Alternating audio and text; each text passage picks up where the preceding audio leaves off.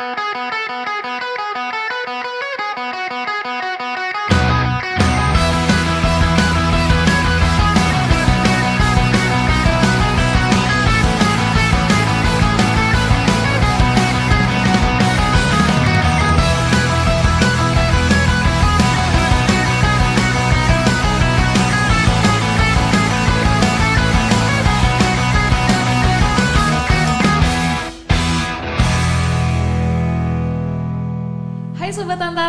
sekali ada Ovi dalam Berisik Berita Asik. Apa yang spesial dibahas kali ini? Tentu saya tentang kebaya. Sobat Antara pastinya tahu dong jika kebaya ini adalah salah satu pakaian tradisional yang sering sekali digunakan oleh perempuan di Indonesia. Bahkan belakangan ini jika kita update di sejumlah media atau bahkan sosial media, muncul mulai hashtag kebaya goes to UNESCO. Ini semakin membuat kita penasaran sebenarnya apa campaign dari kebaya goes to UNESCO sejak kapankah campaign ini mulai terdengar? Kita akan bahas lebih lanjut seperti apa tentang kebaya dan sampai kebaya Goes to UNESCO bersama yang telah hadir hari ini di studio Antara ada pendiri dan koordinator komunitas perempuan berkebaya Mbak Lia Natalia.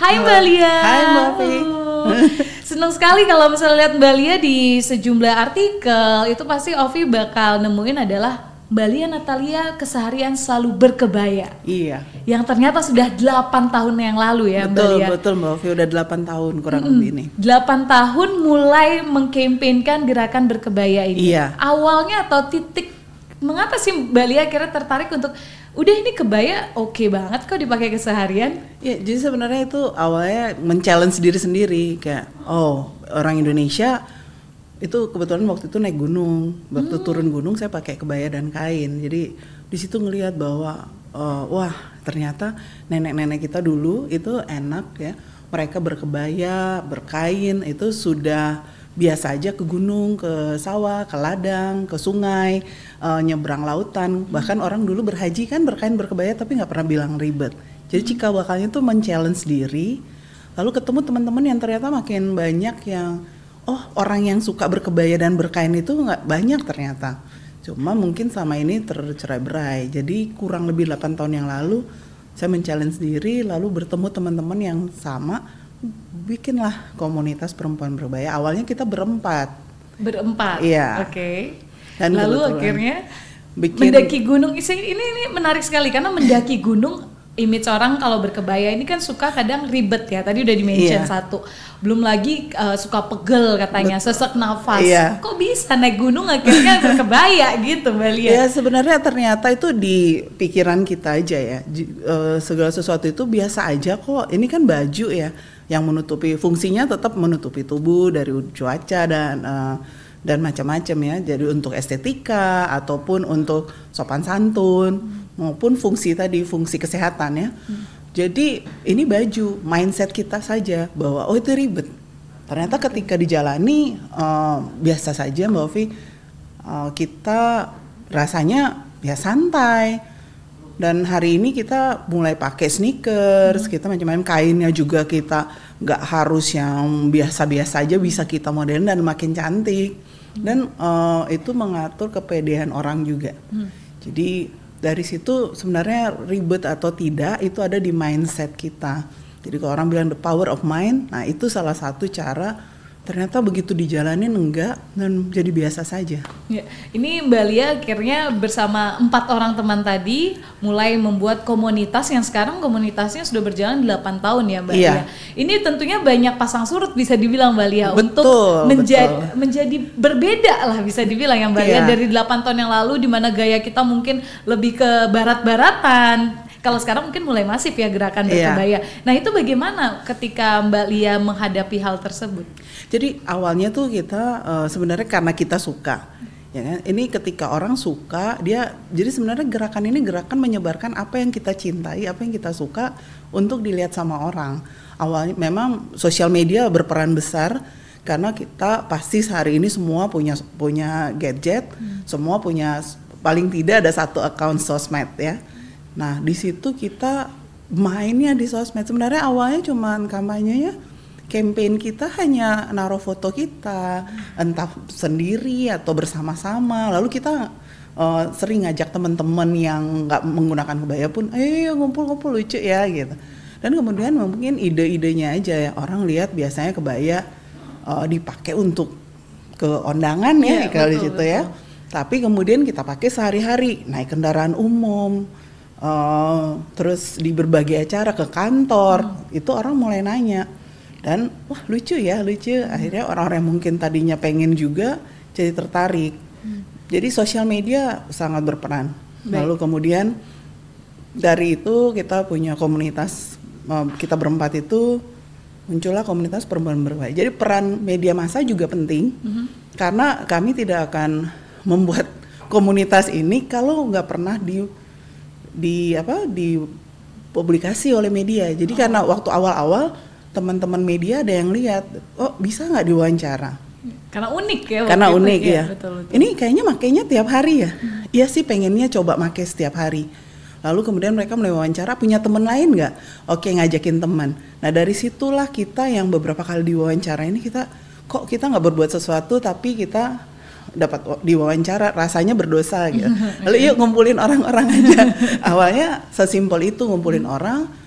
Visi misi awal itu hanya untuk bagaimana eh, orang menjadi pengingat bahwa orang-orang Indonesia tuh punya busana tradisional, tradisi perempuannya itu ya kayak gini.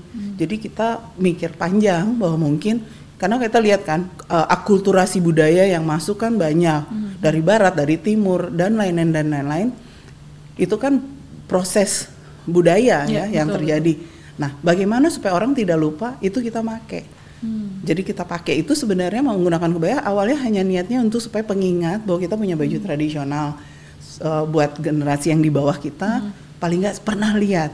Kalau akhirnya hari ini orang ikut dan kemudian menjadi gerakan bahkan ada eh, gerakan untuk berusaha supaya kebaya ke UNESCO, UNESCO, hmm.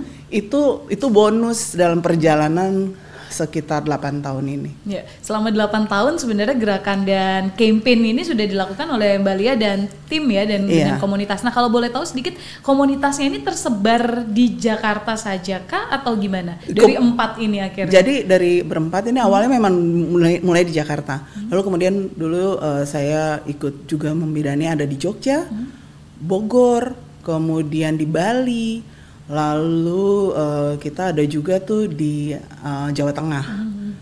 Nah eh, ini da- ada ada sebenarnya di luar di luar yang tadi saya sebutkan, tapi jumlahnya tidak signifikan.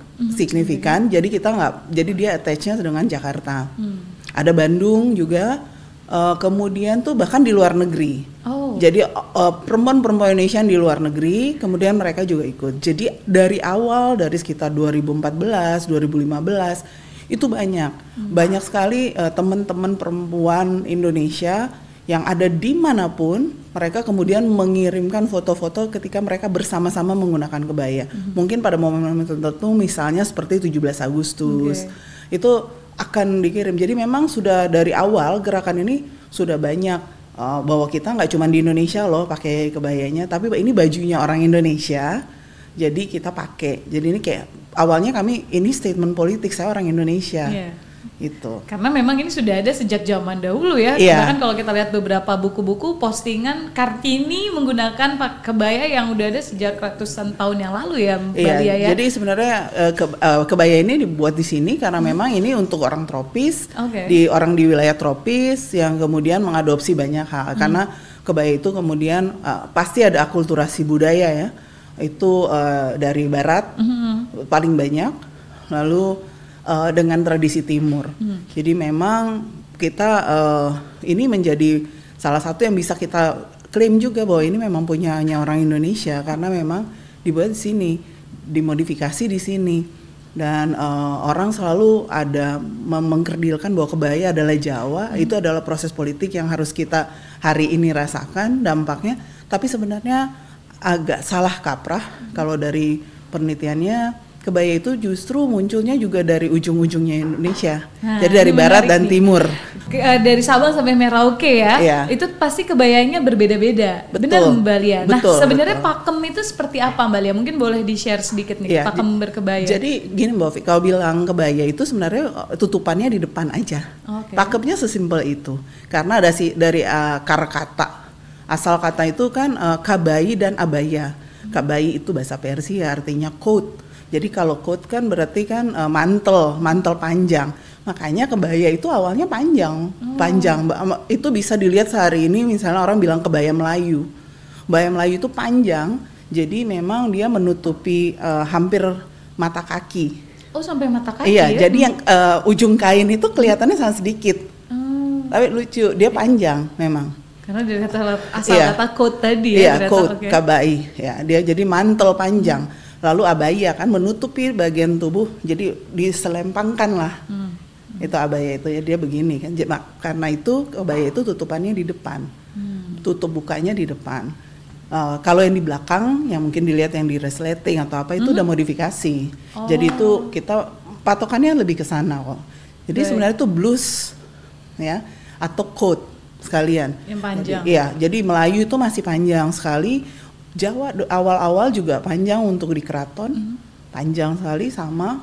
Dan eh, Minang mungkin lebih naik. Mhm. Rata-rata Indonesia Timur juga panjang, Oh, panjang. Jadi awalnya muncul dari Sumatera dan eh, Maluku. Ya, Maluku banyak sekali pengaruh Portugisnya, jadi Mhm. dia agak kalau tangan kebaya di sana mungkin lebih kayak eh, kemeja. oke. Ya, ah, dan yang sehari-hari mereka membuatnya juga selalu supaya mungkin tidak apa, tidak kainnya itu tidak ke mana-mana, jadi dia ada diikat biasanya pakai karet atau tali di ujungnya, jadi dia kelihatannya manis gitu. Namanya Atau juga memang- si cinta ya. Iya, Kalau cinta jadi pengen tahu ya. Iya, iya. Nah, gitu. Keponya keras ya. Kepo keras. Nah itu di ba- ba- eh, dari Stunda aja Hmm. itu saya baru tahu sekitar lima dari sekian banyak. Jadi memang eh, kita berinteraksi kemudian dengan orang-orang yang lebih tu, lebih lebih lebih senior Hmm. dari kita yang kemudian mereka tahu. Nah ini juga masih terus perlu digali. Oke. Bahkan eh, kalau bisa itu memang harus diletak apa dicari oh, bener nih asal muasalnya seperti apa ada nggak bukti sejarahnya ada nggak jejak sejarahnya misalnya kan kalau kita lihat ada relief-relief di uh, candi, Candi, mhm. nah itu kan pada masa ketika kita perempuannya bagian atasnya masih topless belum Kemben ber- biasanya dulu ya? dulu Atau malah sudah- topless Oke. iya tidak tidak, Tidak menggunakan apa-apa tidak menggunakan apa-apa jadi hanya yang digunakan kain di bawah Mhm. Uh, status sosial orang ditentukan dari um, perhiasan Oh, gitu. Jadi memang menutup bagian atas hanya dengan perhiasan. baik. Berarti mungkin eh, yang bisa saya tangkap saat ini sebenarnya belum ada yang pasti tentang sejarah dari kebaya itu ya Mbak Lia atau bagaimana sebenarnya di Indonesia? Hmm. Masih perlu di, uh, dibuat lagi lebih lebih detail karena yang saya sempat buat Hmm. adalah itu memang langkah awal. Mengoleksi dari ba- baru baru sebatas akar kata, jenis-jenisnya, perkembangan awal awal mu- muasalnya itu ada di mana. Dan ini masih perlu eh, punya ruang debat yang sangat luas. Yang perlu kita mu- mudah-mudahan banyak eh, teman-teman yang lain yang mau ikut meneliti ini. Karena memang masih ada ruang debat yang luas. Kita perlu banyak orang yang ngasih tahu oh ini ada yang ini buktinya ini Iya, terutama tentang asal muasal kebaya itu Iya. dari mana. Bahkan kalau Mbak Lia sendiri dengan teman-teman mungkin sempat mengeluarkan buku juga ya Mbak Lia Iya. tentang jenis-jenis kebaya. Iya. Dan itu pasti riset yang luar biasa. ya mau nggak mau ya mbak namanya cinta kan Iya kepo. betul. Nah kalau kita cinta menggunakan kebaya, mungkin yang jadi pertanyaan juga akhirnya, apakah kebaya ini harus dipadu padan dipadu padankan dengan kain? Karena zaman sekarang banyak juga orang menggunakan celana atau bagaimana sebenarnya Mbak Lia? sebenarnya kita mau fleksibel ya mbak Ya, kita tetap belajar pakem. Artinya eh, orang Melayu orang Minang orang Sulawesi atau orang Maluku eh, kemudian orang Jawa sendiri Jogja Solo aja beda Jawa Timur beda Madura beda Bali beda. Kita paling tidak kita tahu pakemnya pada saat mana kita menggunakan seperti apa. Eh, tapi untuk keseharian eh, sebenarnya lebih fleksibel. Kenapa busana ini kebaya ini kan busana ya fashion fashion itu kan juga mengikuti perkembangan zaman hmm. kalau mungkin kan uh, sempat itu banyak yang memperdebatkan kok pakai sneakers gitu ya. Hmm. Mungkin waktu dulu orang belum punya belum ada sneakers dan kemampuan orang untuk membeli juga kan um, sepatu atau hmm. apa dan harus pakai slop. Kalau hari ini kita pakai slop ya agak ribet ya untuk yeah. kita yang um, aktif mobilitasnya sangat tinggi harus naik turun kendaraan umum sangat dengan kecepatan yang luar biasa cepat. Mm. Nah, itu tidak fleksibel. Jadi sebenarnya uh, kita santai saja bahwa itu dipadu-padankan juga dengan celana panjang hmm. it's okay bagus kok masih bisa kemudian kainnya dimodelin macam-macam nggak apa-apa mungkin kalau kita berpakem-pakem ria itu pada saat kita uh, acara resmi okay. ya misalnya harus pakai adat iya. misalnya ya kadang kalau misalnya uh, contoh saja perkawinan di Jawa itu ternyata emang ada pakem kebaya yang ada. seharusnya seperti apa yeah. kainnya sebagaimana yeah, gitu betul. ya karena kalau misalnya kita berbicara uh, kebudayaan mungkin sekarang lebih fleksibel seperti kata Mbak Lia ya yeah. kalau misalnya kita kaku nanti takutnya image-image kuno itu masih melekat, yeah. terutama di kalangan milenial, Gen Z masih melekat yeah. seperti itu. Tapi uh, positif banget ya teman-teman Gen Z milenial itu positif banget uh, responnya dan memang kita uh, budaya itu adalah uh, bentuk civil civilization ya. Ketika dia itu produk perkembangan manusia, berarti dia harus fleksibel, dia harus macam-macam jadi eh, nggak uh, nggak harus kaku bahwa kita belajar pakem, kita belajar misalnya uh, jenis-jenis kain. Mm-hmm. Jangan pakai mm-hmm. kain ini kalau ke mana misal. Yeah. Jangan sampai kita uh, pakai kain yang untuk orang meninggal kita pakai ke pernikahan misalnya. Mm-hmm. Itu kan doa jelek misal. Mm-hmm. Ya itu yang perlu kita pelajari dan uh, kita harus ya paling nggak ketika sudah makin cinta pasti mau belajar deh hmm. pasti mau belajar dan ketika belajar itu kita tahu oh ini ya ternyata kondenya aja macam-macam oh. dan di situ kita belajar bahwa oh di Indonesia nih bila mana pakai konde cepok kayak gini bila mana, itu itu banyak luar biasa kita tuh ngomongin kebaya itu cuma satu.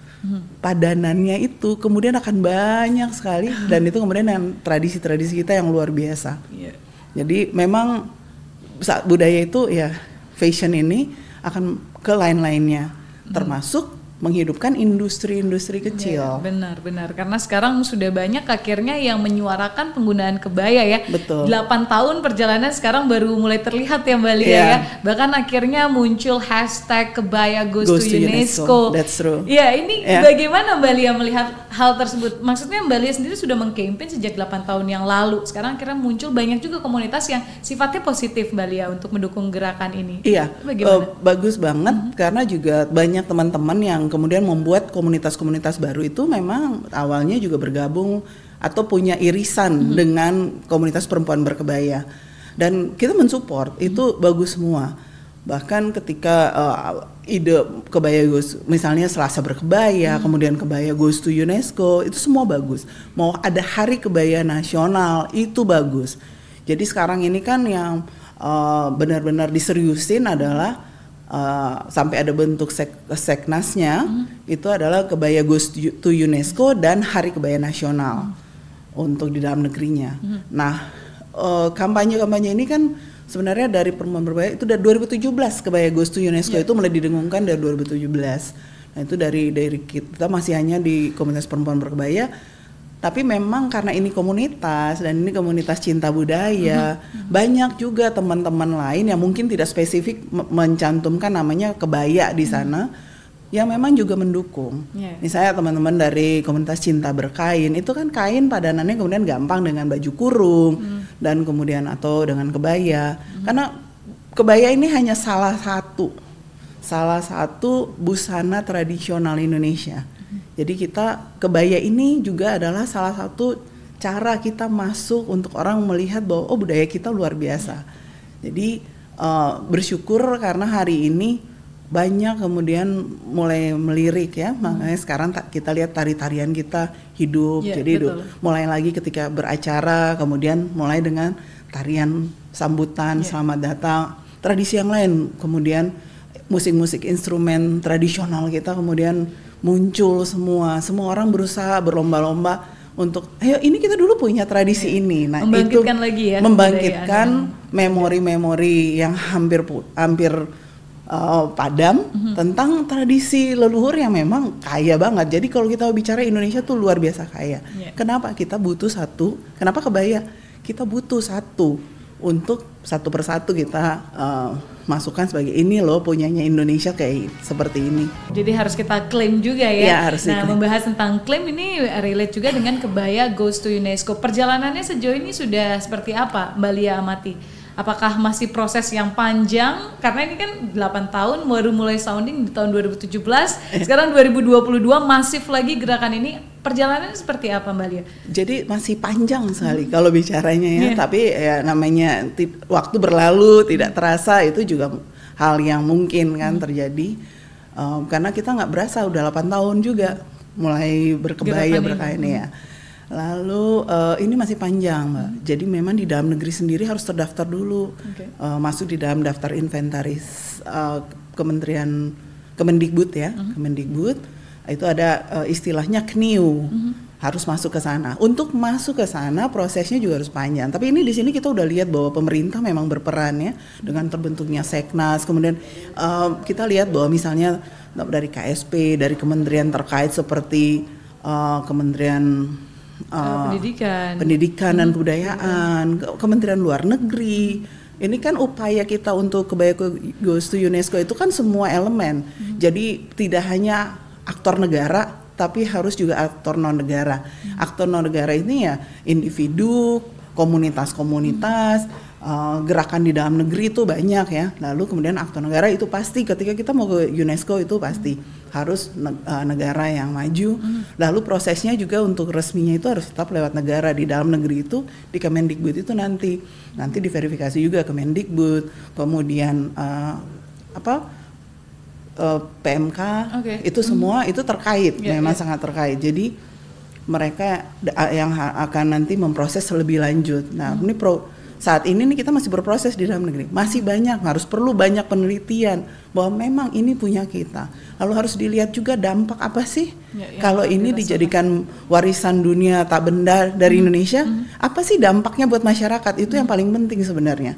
Uh, saya bisa bisa menyampaikan bahwa memang ketika kita berkain dan berkebaya dan kemudian makin masif itu industri ikutannya itu muncul. Oh. Misalnya kain aja sudah industri tekstil kan. Iya. Kemudian udah pasti ada penjahitnya, kemudian aksesorisnya, kemudian stopnya, tasnya dan lain-lain. Jadi memang Perintilannya ya. Iya, perintilannya. Kemudian oh, selendangnya lah, kipasnya lah. Itu semua industri ikutan. Oke. Jadi ada ada turisnya juga, turismenya juga. Karena orang kemudian datanglah ke tempat-tempat perayaan, orang belajarlah membatik, tahu, orang betul. belajarlah menenun dan lain-lain dan lain-lain. Nah, itu memang ada dampak ekonomi. Nah, ini harus semua diukur dulu, Mbak. Oke. Jadi memang proses itu proses yang cukup serius, harus secara akademis bisa dibuktikan semua. Masuk, kemudian harus masuk ke KNIU tadi di pemerintah, baru kita berproses panjang ke sana. Gitu. Wah ternyata rib- eh, panjang ya kalau saya bilang mungkin sebagai orang awam ribet juga tidak Iya. segampang kita cuman ikutan pakai hashtag kebaya goes to UNESCO Iya. perjalanan panjang tapi mungkin yang bisa dilakukan saya nih Mbak Lia adalah meng- mulai menggunakan Mulai kebaya menggunakan. terus menyuarakan di keluarga lah karena dari yang paling kecil nanti siapa tahu bisa menyebar ya Betul. seperti perjuangan Mbak Lia sendiri Iya. support pemerintah juga ternyata cukup besar untuk Signifikan, gerakan ini iya, dan sangat signifikan Iya. Lalu juga eh, untuk Mbak Lia sendiri saat ini yang dikerjakan selain campaign juga melakukan penelitian ya Mbak Lia ya. Kalau ya, Tentang- misalnya jadi kita kan memang harus ya paralel gitu ya. Misalnya kita membuat buku-buku inspirasi budaya, misalnya ya, misalnya kita menulis oh kalau supaya membuktikan bahwa berkebaya itu tidak ribet. Misalnya kita menginspirasi orang bahwa oke kok ya kita bisa backpacker kok, kita bisa jalan-jalan ke dalam negeri maupun luar negeri kita berkebaya dan kita santai saja.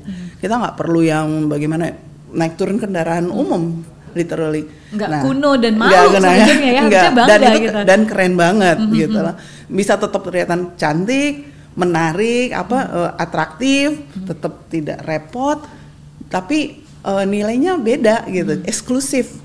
Ya, jadi memang eh, itu banyak. Jadi bikin kita membuat buku penelitian, bahkan eh, ini juga gerakan ini sudah juga banyak teman-teman lain yang melakukan penelitian. Kalau saya juga sampai termasuk tadi proses yang ke UNESCO itu hmm. itu juga masuk dalam bagian penelitian. Hmm. Kalau ada juga dari segi antropologi. Nah sejarah nih yang masih butuh banyak. Godokkan lagi ya. ya karena memang uh, sumbernya sangat sangat sangat sedikit hmm. sampai saat ini. Berarti memang masih mengembangkan juga bersama teman-teman lain. Masih mudah-mudahan uh, bisa bisa goals dan yang pastinya kebaya goals UNESCO juga bukan hanya hashtag ya. Bukan kita, hanya kita hashtag. harapkan supaya lebih dipercepat semua perempuan Indonesia bangga berkebaya iya. yang paling penting ya Mbak Lia. Betul. Nah, tanpa terasa terus sebenarnya obrolan tentang kebaya ini pasti tidak akan ada habisnya. 8 tahun Balia menyuarakan Iya.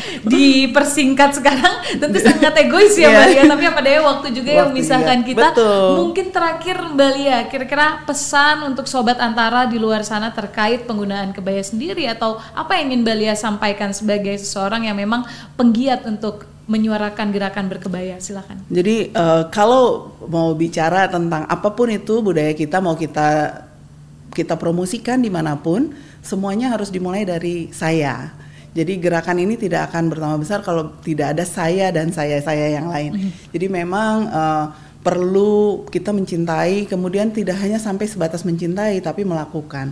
Memang uh, perjuangan untuk bagaimana uh, kita mengembangkan, mengkapitalisasi budaya kita itu. Jadi kalau melestarikan berarti dia sudah mati suri gitu ya. Hmm. Tapi kalau kita mengembangkan kebudayaan kita, ini memang butuh banyak agennya. Hmm. Agennya ya saya, saya dan saya gitu ya. Saya-saya yang lain. Hmm. Ini saya selalu bilang ketika orang tanya gimana kita bisa berhasil, semuanya dimulai dari saya. Ketika saya cinta, saya sebarkan cinta saya, maka gerakan cinta ini akan disambut oleh banyak orang. Jadi tetap positif, hal-hal positif akan bertemu dengan hal positif lain dan itu menjadi sesuatu yang baik buat bangsa dan negara. Betul. Wah, kata-kata yang luar biasa karena berarti harus mulai dari saya dulu Betul. untuk melahirkan saya-saya yang lain dan tentu saja menyebarkan cinta mulai dari diri kita, cinta berkebaya dan nanti akan menularkan ke orang lain ya, Betul. ya Mbak Lia. Terima kasih Mbak Lia obrolan yang luar biasa dan tentunya kami harapkan obrolan ini bisa menjadi sebuah pemahaman baru, inspirasi baru untuk kita semua bahwa Indonesia memiliki satu kebaya yang harus kita banggakan. Tidak usah malu, tidak ada kata kuno ya Mbak Lia. Betul. Ini saatnya kita mulai dari sekarang. Semoga obrolan ini bermanfaat untuk Sobat Antara dan sampai berjumpa di episode berisik selanjutnya. Bye!